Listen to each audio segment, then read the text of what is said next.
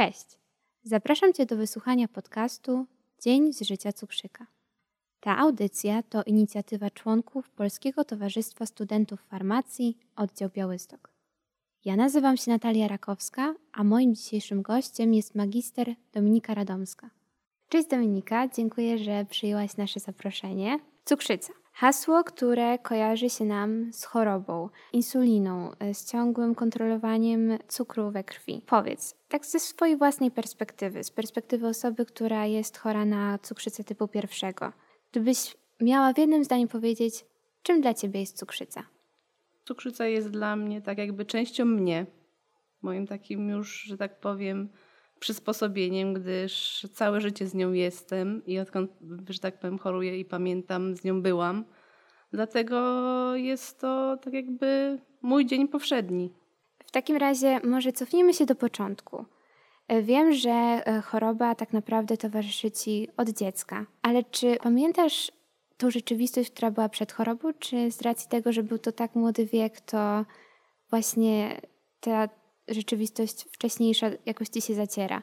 No niestety nie pamiętam, że tak powiem, tego zdrowego życia, gdyż na cukrzycę y, zachorowałam jak miałam 3,5 roku. To było dokładnie 1 marca 1997 roku.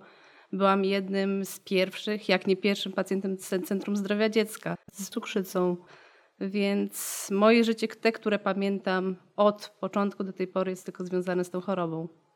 A jakie były pierwsze objawy, po których na przykład, nie wiem, twoi rodzice stwierdzili, że jednak masz cukrzycę? Coś się szczególnego wydarzyło wtedy? Mm, raczej powiem tak. Moja mama od pewnego czasu była zaniepokojona, bo więcej piłam, dużo się pociłam. Yy, nie byłam taka sama jak zawsze. Byłam taka ospała, osowiała. I to już mamy trochę, że tak powiem, naprowadziło, że trzeba się zgłosić do lekarza.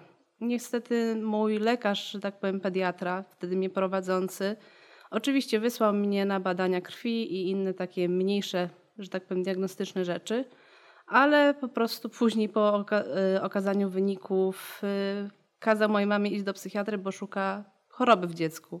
Gdyż wyniki, które otrzymał, były jego zdaniem książkowe, bo to były książkowe y, wyniki zdrowego mężczyzny dorosłego.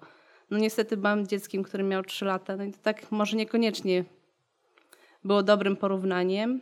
No ale moja mama, że tak powiem, nie ustawała. Chodziła po lekarzach, każdy mówił, że dziecko jest zdrowe.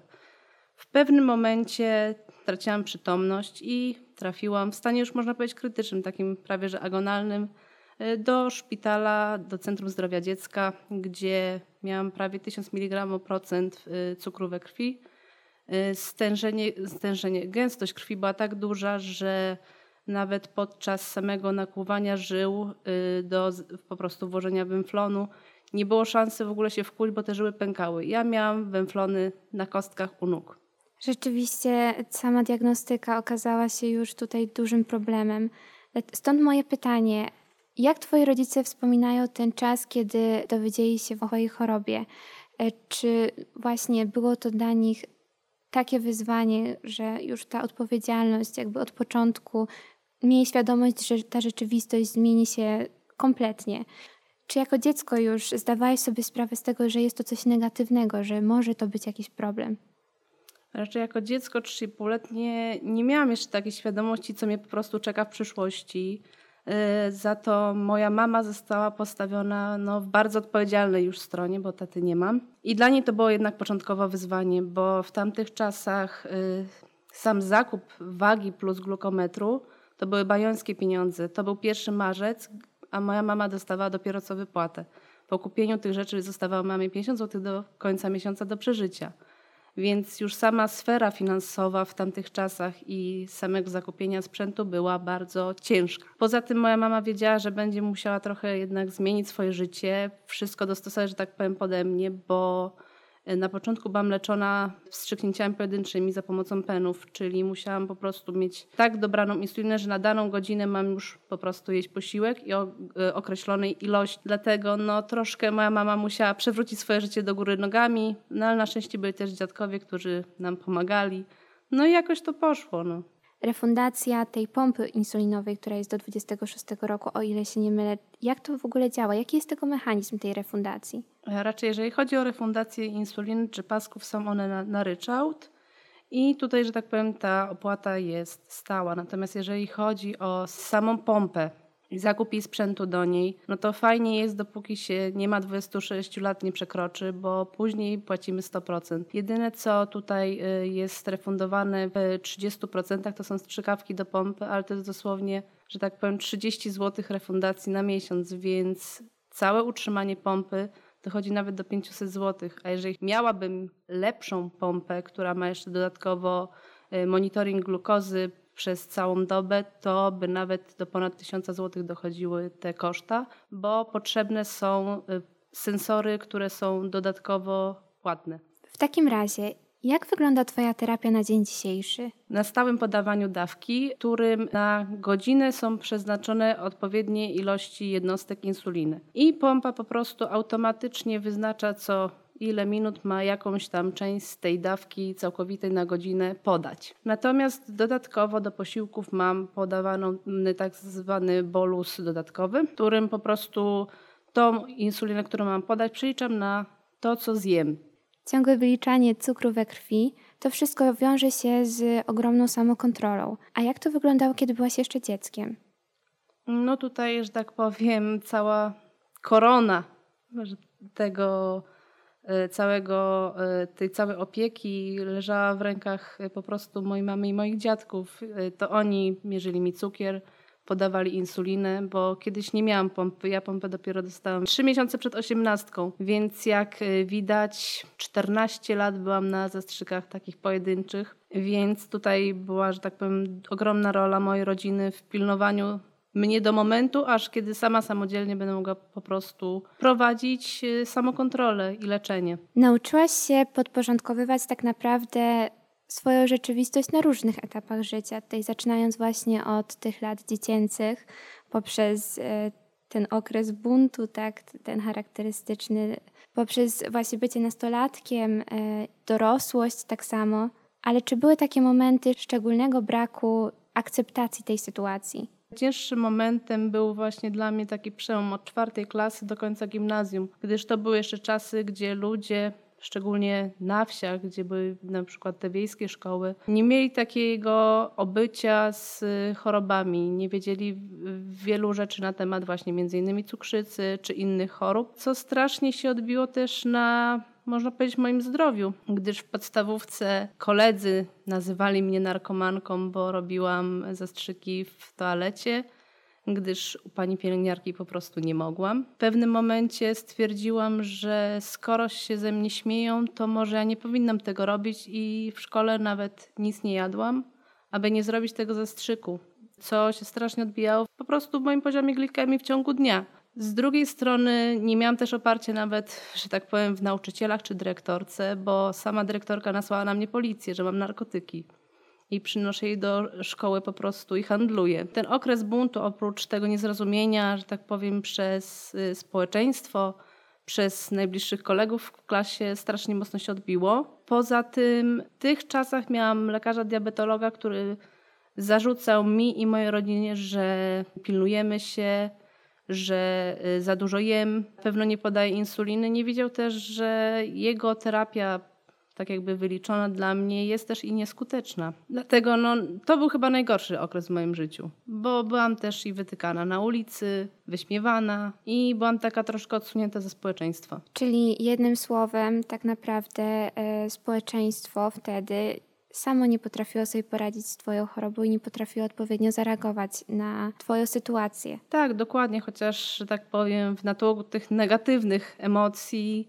e, znalazła się osoba, moja wychowawczyni, która była ze mną od początku, tak jakby czwartej klasy do końca gimnazjum, e, która potrafiła z tym ustawić czoła i Dzięki niej po raz pierwszy wyjechałam na dłuższą wycieczkę szkolną, bo między pierwszą a trzecią klasą mieszkałam jeszcze w Sulejówku, gdzie nauczyciele nie chcieli brać takiej, takiego brzemienia, takiej odpowiedzialności na siebie i po prostu nie jeździłam. Natomiast ta druga wychowawczyni, tak powiem, podniosła rękawice i umożliwiła mi zobaczyć bardzo wiele ciekawych rzeczy.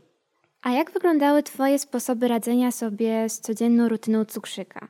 Czy były takie aspekty, które początkowo w ogóle wydawały się przeszkodą nie do pokonania, a dopiero teraz stały się normalnością?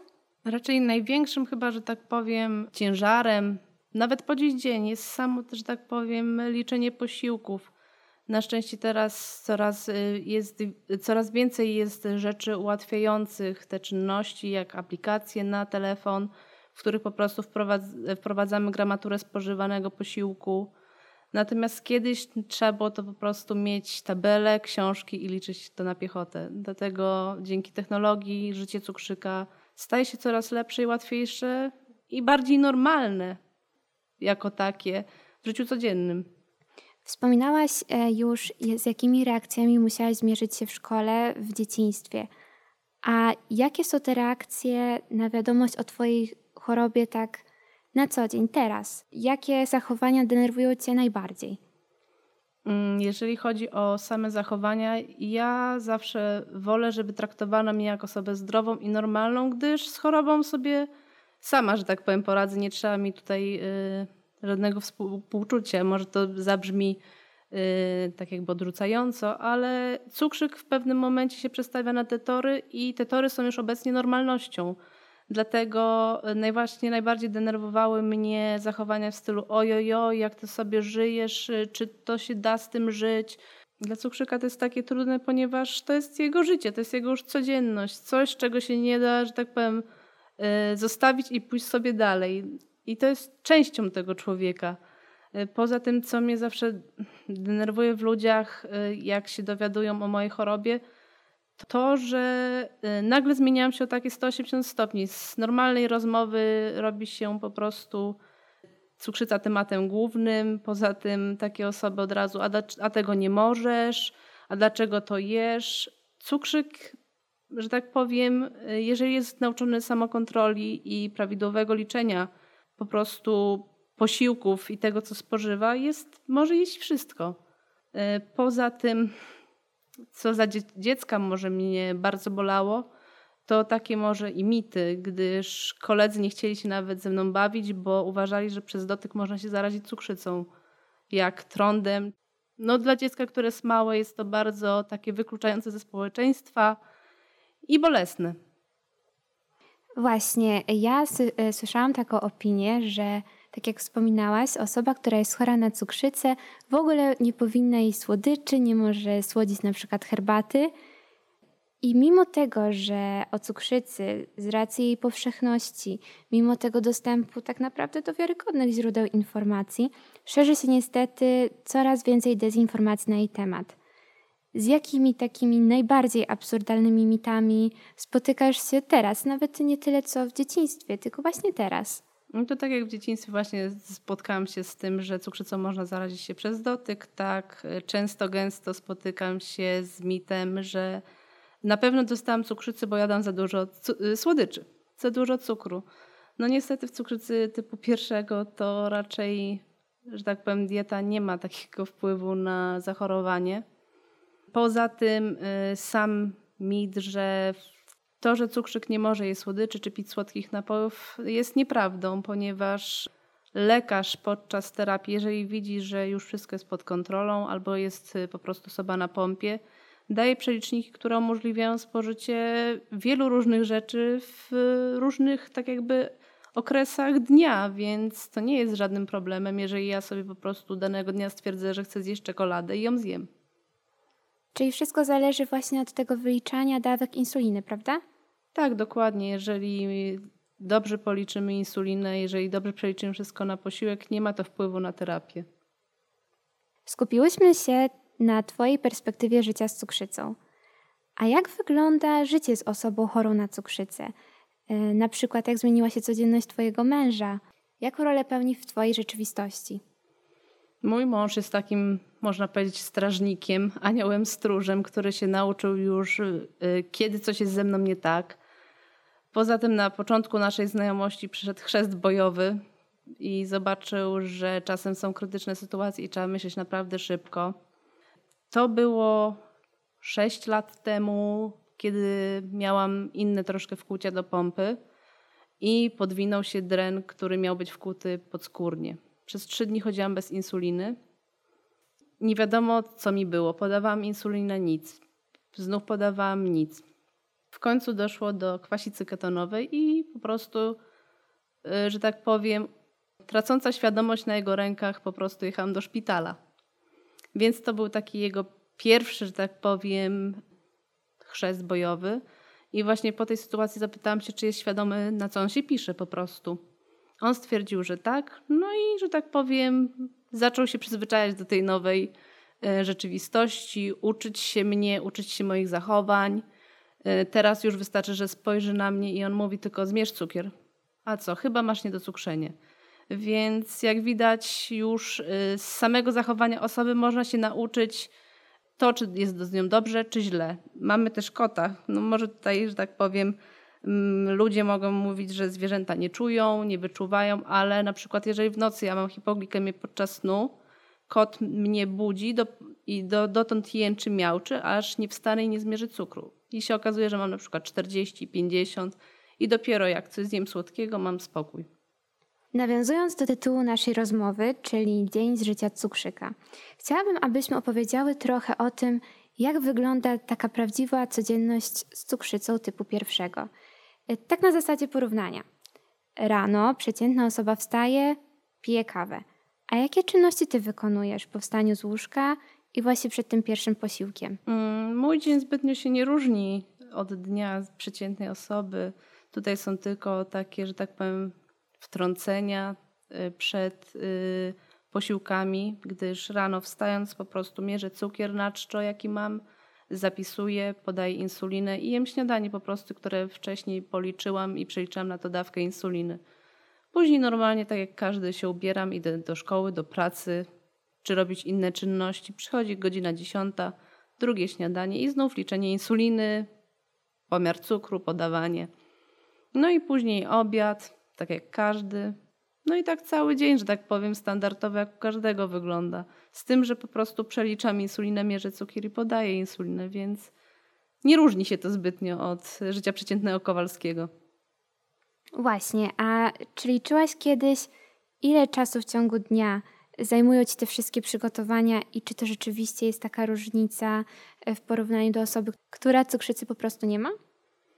Ja wiem, że tak powiem, to w ciągu doby ile może zająć? 10 minut?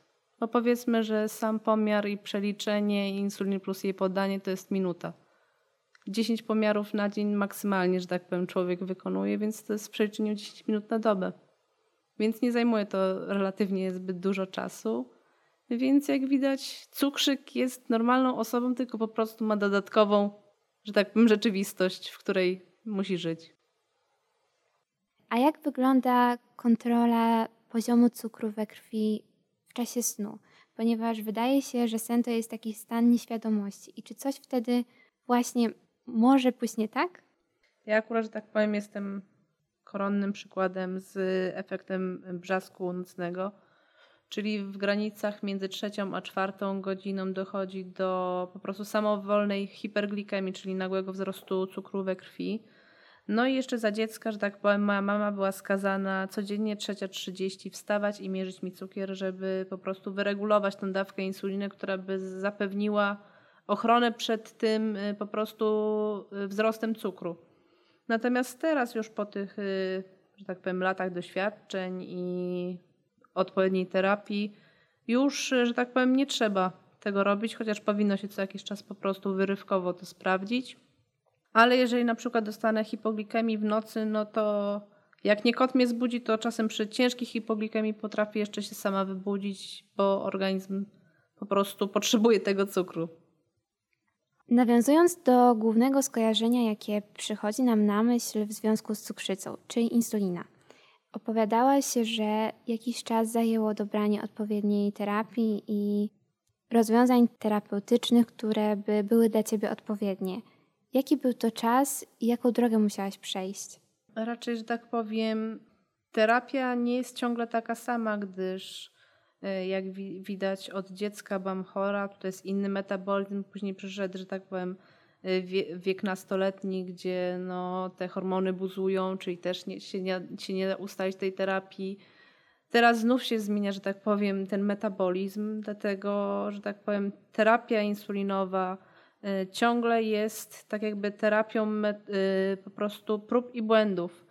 Za każdym razem trzeba kontrolować cukier, patrzeć jak dana jednostka, y, dana ilość insuliny działa na nas, y, czy y, to, że nam na przykład spadł cukier albo wzrósł za dużo nie jest błędem po prostu przeliczeń posiłku, czy za dużo podaliśmy tej insuliny, czy za mało.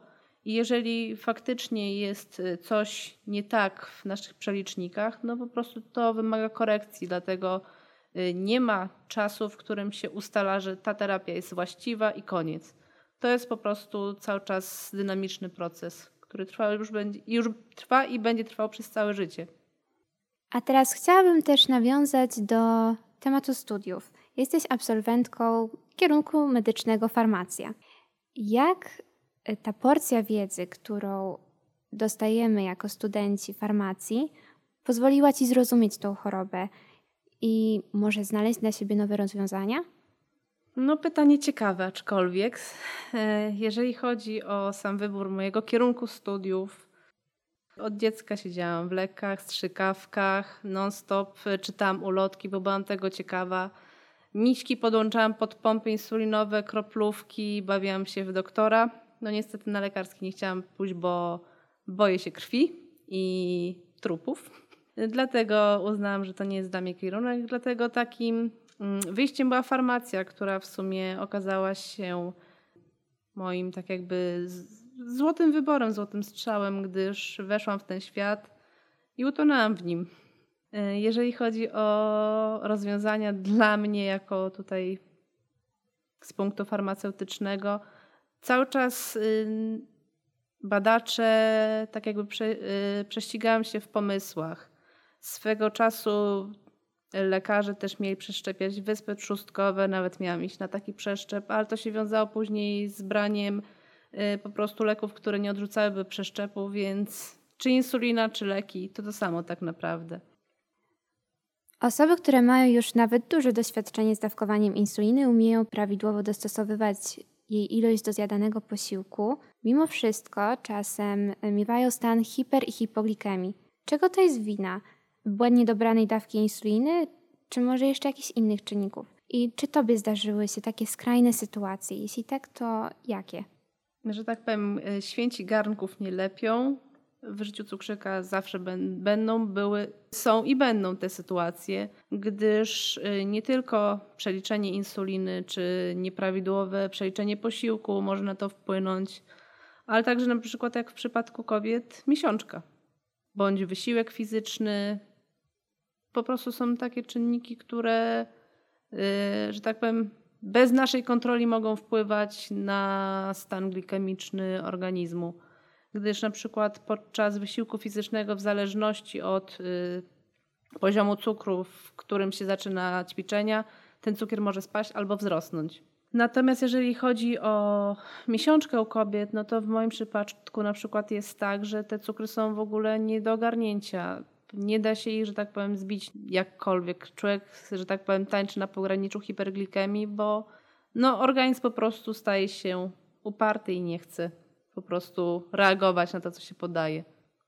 Właśnie, a jak poznajesz po sobie taki nadchodzący stan y, hipoglikemii? Jakie są pierwsze symptomy, które obserwujesz w swoim zachowaniu? Może jakieś reakcje, może właśnie y, zmiana nastroju?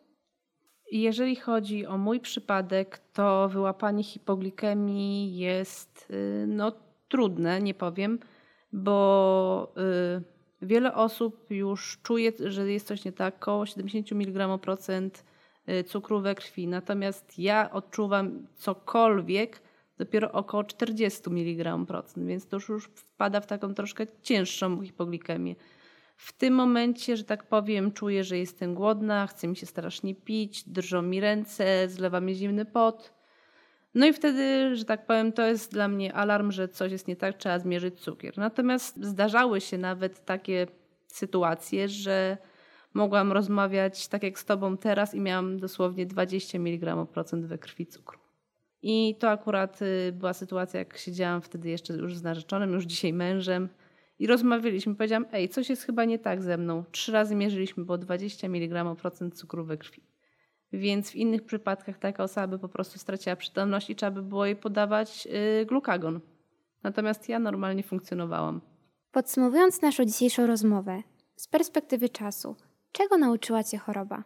Mm, cukrzyca przede wszystkim nauczyła mnie samodyscypliny, odpowiedzialności zarówno za siebie, jak i innych, bo jeżeli sama siebie nie przypilnuję, to mogę po prostu przy okazji jeszcze komuś narobić biedę, jak mi się coś stanie, gdyż nie chcę stawiać ludzi w ciężkich sytuacjach, że muszą decydować, co zrobić ze mną, jak na przykład stracę przytomność, czy po prostu nie będzie ze mną jakiegokolwiek kontaktu.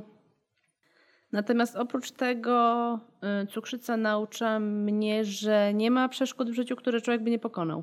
Tak jakby stawiając sobie coraz wyższe cele, człowiek mimo przeszkód, jeżeli coś chce, to osiągnie.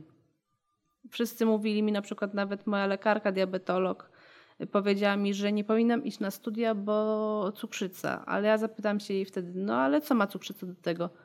Jesteś cukrzykiem, nie powinnaś studiować. No to ja stwierdziłam, że y, zrobię i tak swoje. Skończyłam studia, poszłam na doktorat. Dlatego tak naprawdę bariery to są w naszych głowach tylko. Dziękujemy za bardzo wartościową rozmowę. Dziękujemy, że podzieliłaś się z nami swoimi doświadczeniami. Ja również bardzo serdecznie dziękuję za zaproszenie i mam nadzieję, że e, odpowiedzi udzielone przeze mnie rozjaśnią troszkę temat cukrzycy, jak i życia z osobą chorą na cukrzycę.